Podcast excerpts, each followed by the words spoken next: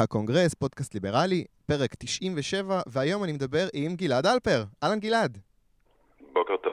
גלעד הוא כלכלן, אנליסט, אנליסט ראשי בבית השקעות, אה, חבר במועצה המייעצת לשר האוצר, וחשוב מכל, מספר שלוש ברשימת זהות, שעשתה בשבועות האחרונים פריצה משמעותית למיינסטרים, אה, לחדשות, אה, לארץ נהדרת אפילו.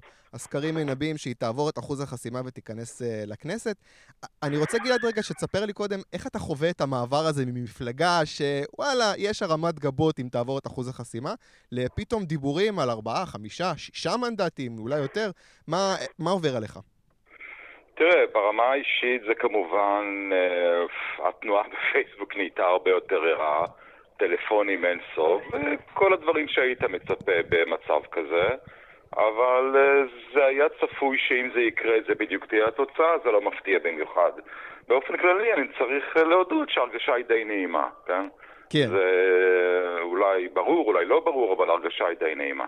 כאילו נכנסת לכל הסיפור הזה בהתחלה, בכזה, אני מנסה להבין אם, אם הייתה תחושה מההתחלה שכאילו יש סיכוי מאוד מאוד גבוה שתהיה חבר כנסת, או שזה היה כזה, טוב, ננסה, מה, מה הסיכוי כבר, מה יקרה, אם כן, סבבה, אם לא... אה.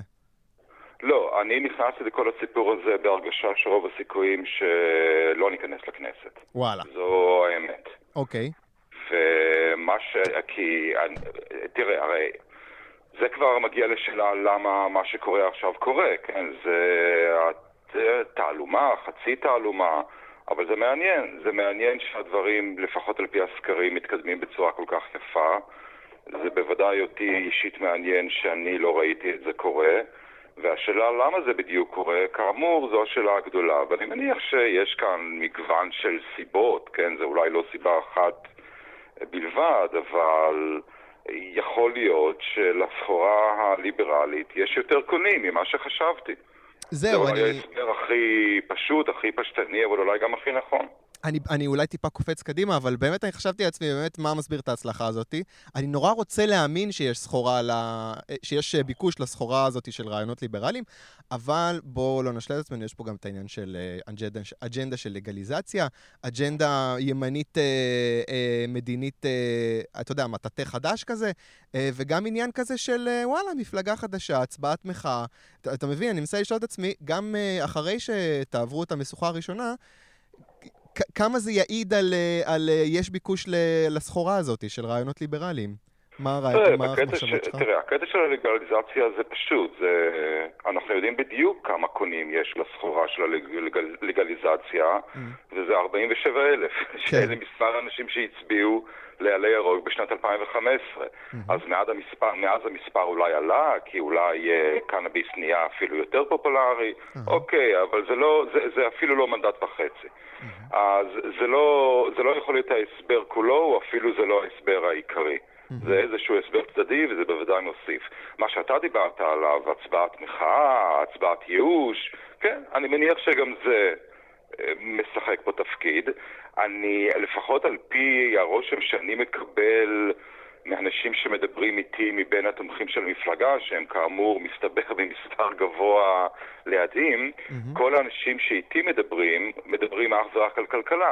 כן. אז עכשיו זו אולי לא חוכמה, כי מי יבוא אליי? מי שמדבר על התנחלויות. נכון.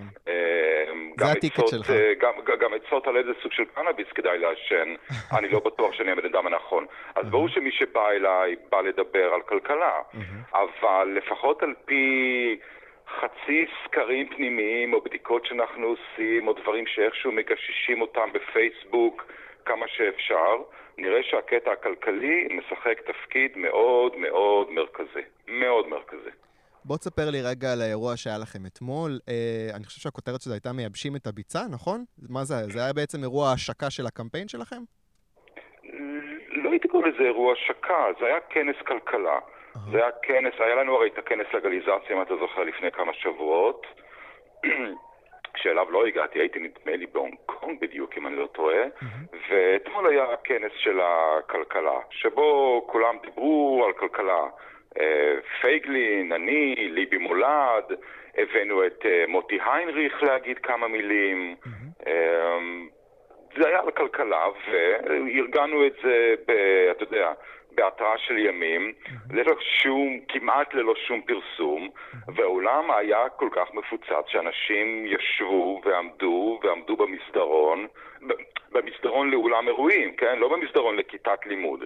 כן. במסדרון לאולם אירועים זה היה פשוט מפוצץ, זה היה מאוד מאוד מעניין.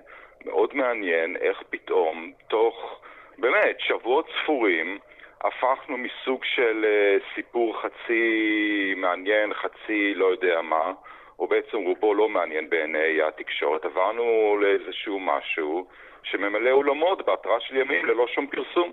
מאוד מעניין. אה, אחת הסיבות שרציתי לעשות איתך את השיחה הזאת, זה קצת התעצבנתי על השיח סביב זהות אה, שהתרכז קצת בלגליזציה ובשאלות קצת מגוחכות כאלה של מדינת הלכה, לא מדינת הלכה, פייגלין כן הומופוב, לא הומופוב, אה, וזה שאלות כאלה שכל מי שעוקב קצת אחרי פייגלין יודע שזה שטויות, ולגליזציה זה פסיק בתוך תפיסת עולם שלמה. אה, בפועל אבל, כאשר אחוז, אה, זהות תעבור את אחוז החסימה ותקבל נגיד חמישה ושישה מנדטים ויציעו לך נגיד את משרד האוצר, נגיד אה, השאלות אה, פתאום שיעלו יהיו אחרות לגמרי, כבר לא יתעסקו בלגליזציה והומופוביה וזה. אה, פתאום צעדים שאתם אומרים היום בגלוי, במצע שלכם, ההרגשה שלי שכאילו זה שפתאום כשיהיה מאוחר מדי במרכאות, ייזכרו לעשות את הדיון הזה. אני רוצה לעשות את הדיון הזה עכשיו. האמת שבשבועות האחרונים ראיתי קצת התעוררות מתחילים לדבר איתכם גם קצת על נושאים אה, אה, כלכליים, לא רק על העניינים האלה, אבל אני רוצה שתספר לי רגע, גלעד אלפר, חודשיים מעכשיו נגיד, אתה מקבל את המפתחות למשרד האוצר, מה אתה עושה? איך זה הולך להיראות? הדברים שאנחנו רוצים לעשות, מה שאמרנו שנעשה כל הזמן, וזה בדיוק הדברים שאנחנו מתכוונים לעשות כשניכנס, אם ניכנס למשרד האוצר, כבן אדם, כמפלגה, או whatever שאתה לא רוצה לקרוא לזה, mm-hmm. הם מאוד מאוד ברורים.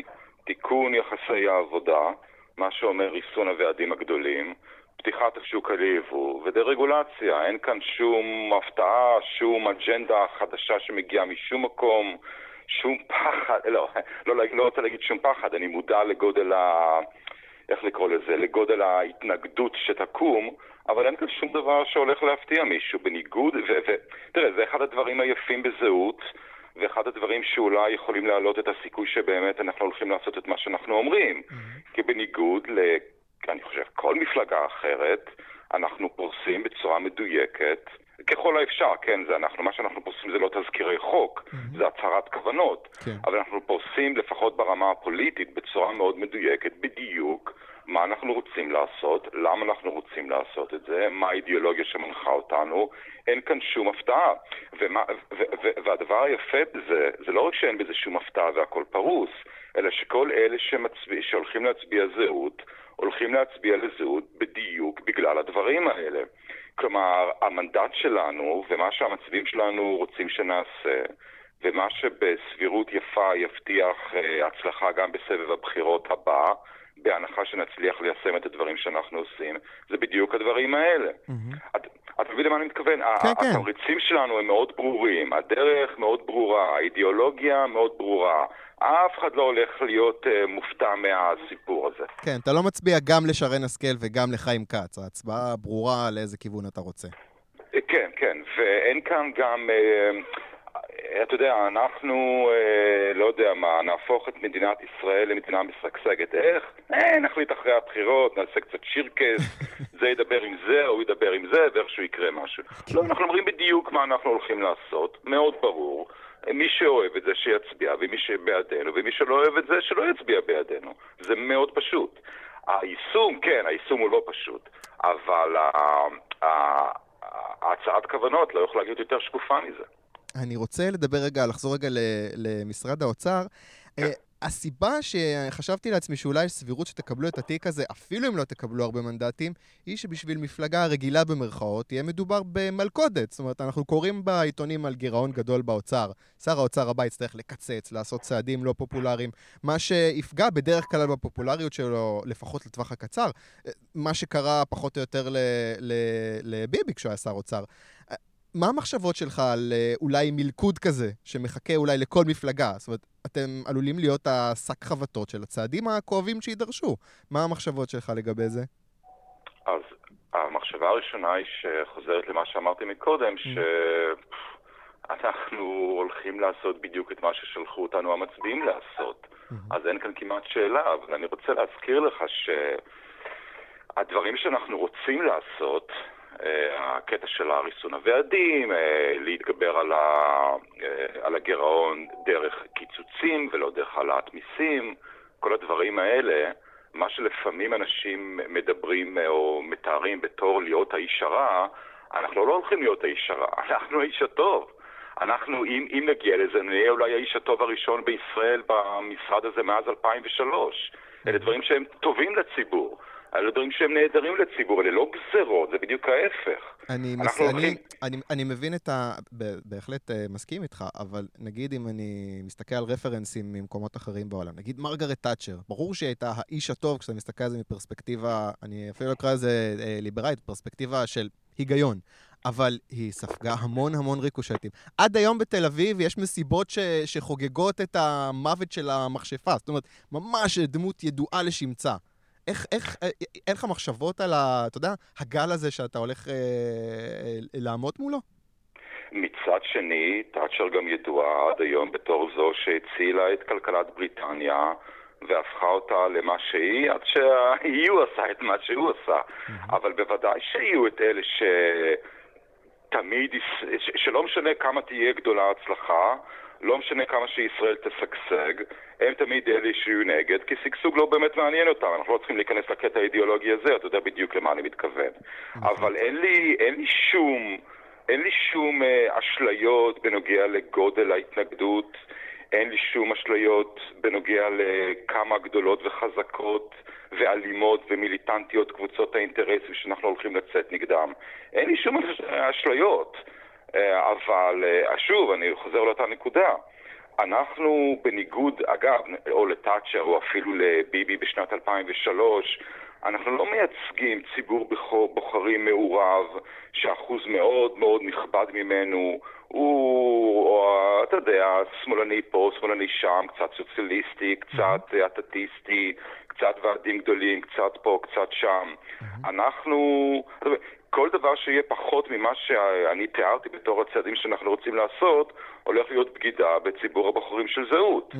זה כוח מאוד מאוד יפה, כן. זו מוטיבציה מאוד יפה, זה, זה, זה, זה, אלה תמריצים מאוד יפים. Mm. אנחנו כמעט, אנחנו כמעט נשלחים למשימה שבה הדברים המאוד מאוד קשים האלה ומאוד, אה, כן, מאוד קשים שהולכים להיתקל בהתנגדות כל כך גדולה, כל הצעדים האלה, זה צעדים כאילו שאנחנו חייבים לעשות ברמה הפוליטית.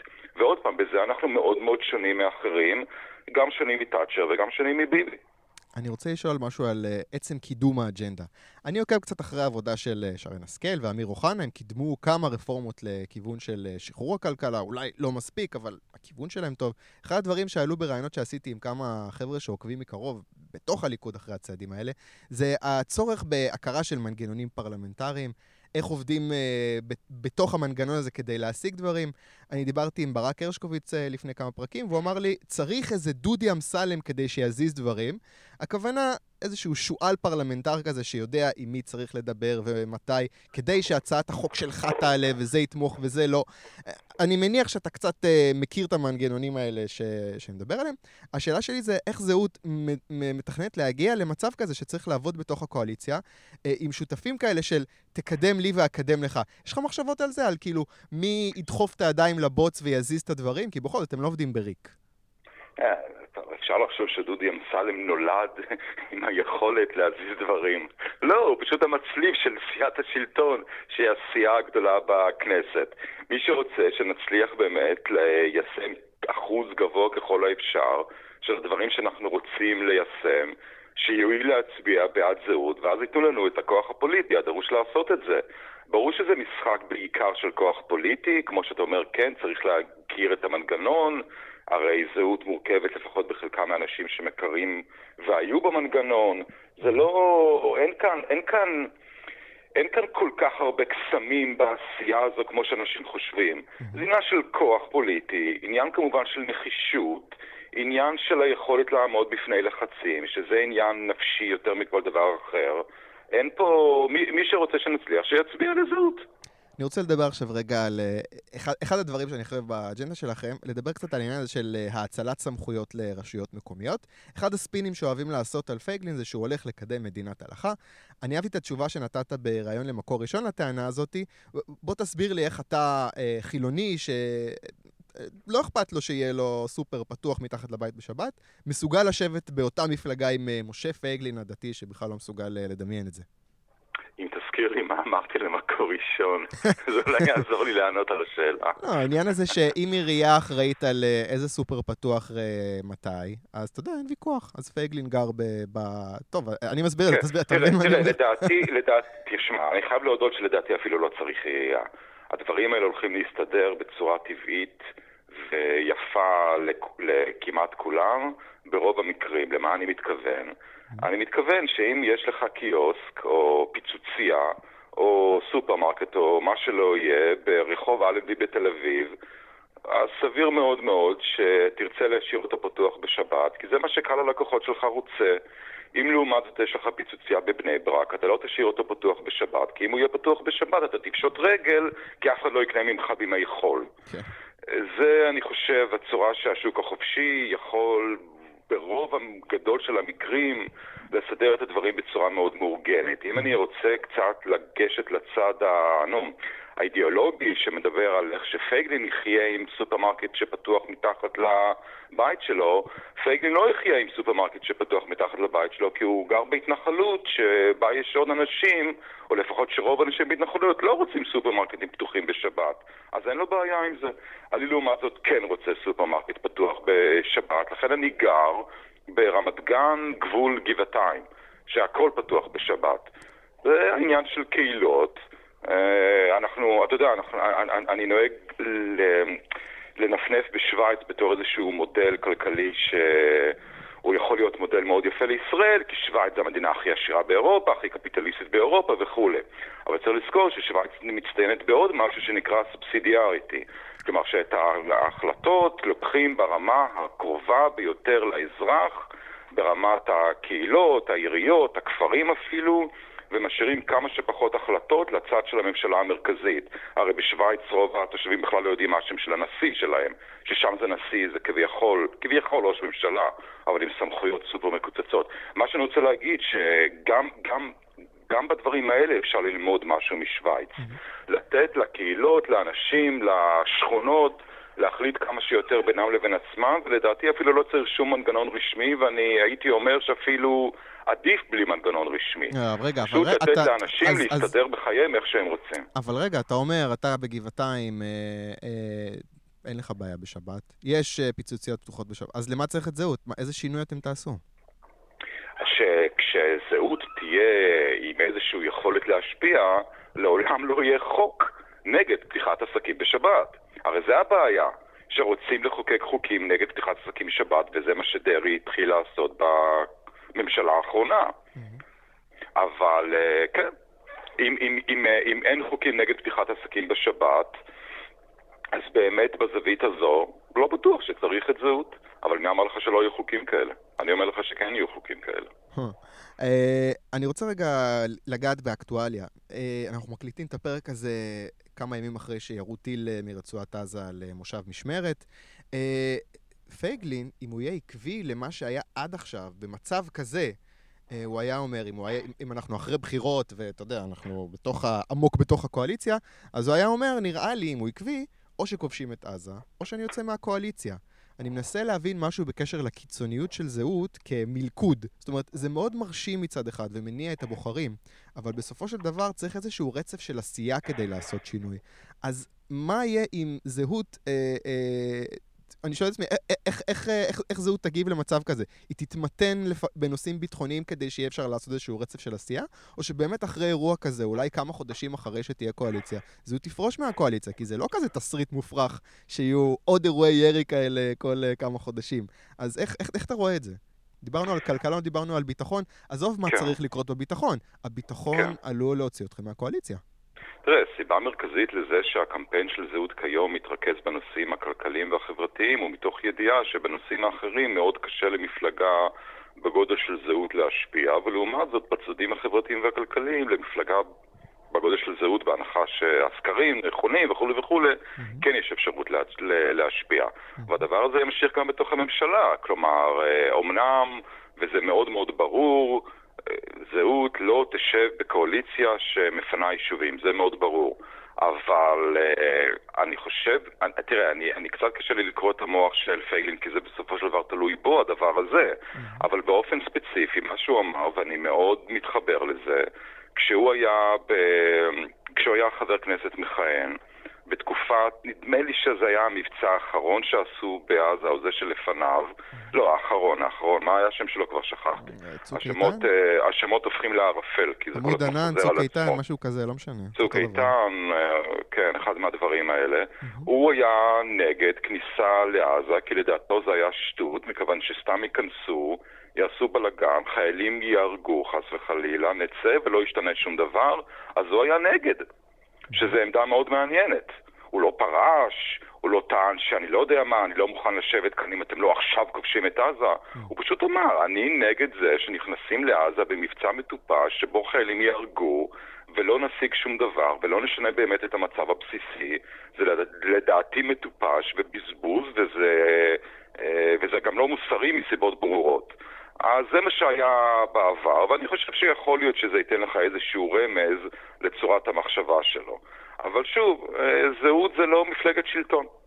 אנחנו, חוץ מזה שאמרנו בצורה מאוד ברורה שלא נשב בקואליציה שמפנה יישובים, כל השאר, זה... נראה איך זה יקרה.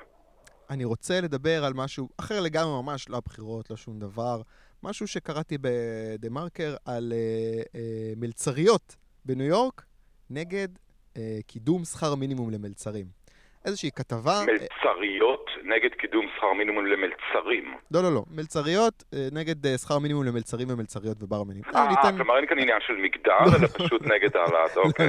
סתם ניסחתי את זה לא טוב. כבר התחלתי לנסות לרוץ קדימה, להבין מה הן רוצות. לא, לא, לא, לא, ממש לא. זה פשוט מה שקורה, לוחמי צדק חברתי מדינת ניו יורק, מבקשים להחיל את שכר המינימום גם על מלצרים וברמנים בעיר, שעכשיו אה, נהנים מהמצב הזה של אה, הם עובדים אה, על טיפים. הם לוחצים על המושל שיעביר חוק כזה, וזה מאבק כזה של סלבריטיז כמו איימי שומר וריס וית'רספון. הם ביקשו להירתם למאבק, אבל באופן מפתיע, הרבה מלצרים וברמנים התארגנו ואמרו בפומבי, לא תודה, אל תעזרו לנו, אנחנו מרוצים מהמצב הקיים הזה.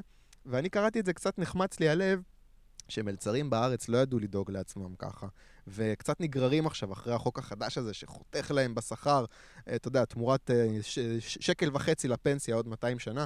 אני, ימי המלצרות שלי מאחורי, אני מאוד הייתי מתבאס מחוק כזה. יכול להיות שמלצרים עכשיו גם כן מתבאסים, אבל קצת מאוחר מדי. ואני ניסיתי כאילו להסתכל כאילו למה שם זה ככה ופה זה ככה, אז אמרתי לעצמי, יש מין חשיבה כזאת נראה לי בארץ, כאילו רק הסתדרות וארגוני עובדים דואגים לעובדים. לעובדים בעצמם לא עולה על דעתם לדאוג לעצמם, מעבר למה שהארגונים האלה עושים, אולי אפילו לעמוד נגד הארגונים האלה שמתיימרים uh, לדאוג להם.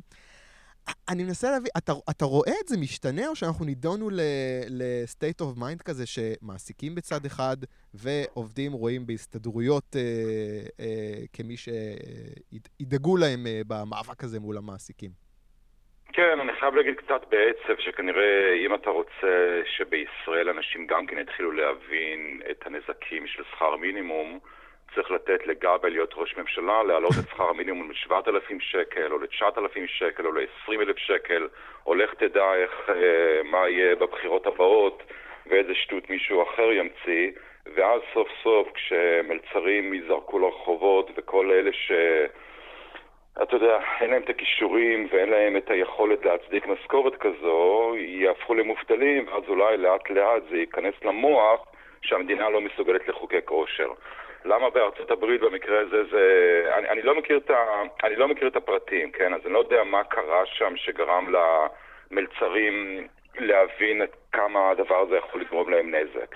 יכול להיות שמאחר שזה בניו יורק, וניו יורק סובלת כבר שנים בגלל המיסים והאגרות והשלטון החצי שמאלני שקורה שם בניו יורק, אולי זה יצר כזה לחץ בקרב אנשים שעובדים בכאלה מקצועות, שהם הבינו שזה רק עושה להם צרות.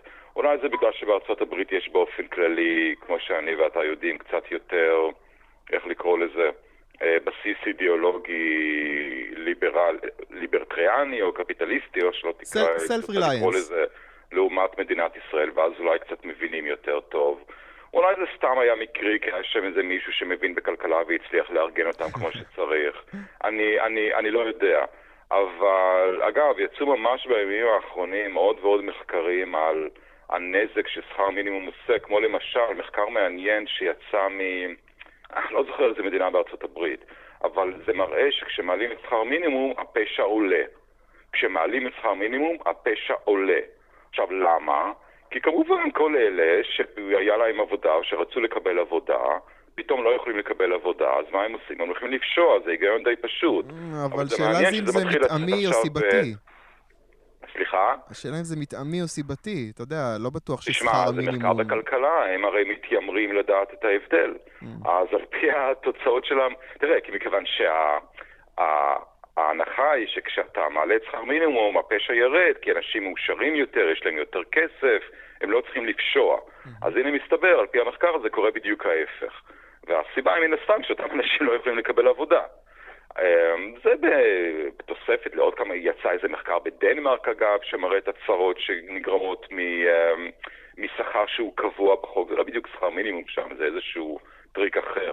המחקרים, לפחות לאחרונה אלה שקראתי, מראים את הבעייתיות בזה, אז כן, זה כנראה הזמן להעלות את השכר המינימום בישראל ל-7,000 שקל. אה, אני רוצה לשאול אותך בהקשר הזה משהו קצת אה, מוזר. אני קראתי את הריאיון שלך ושל משה פייגלין בדה מרקר אה, לפני כמה ימים.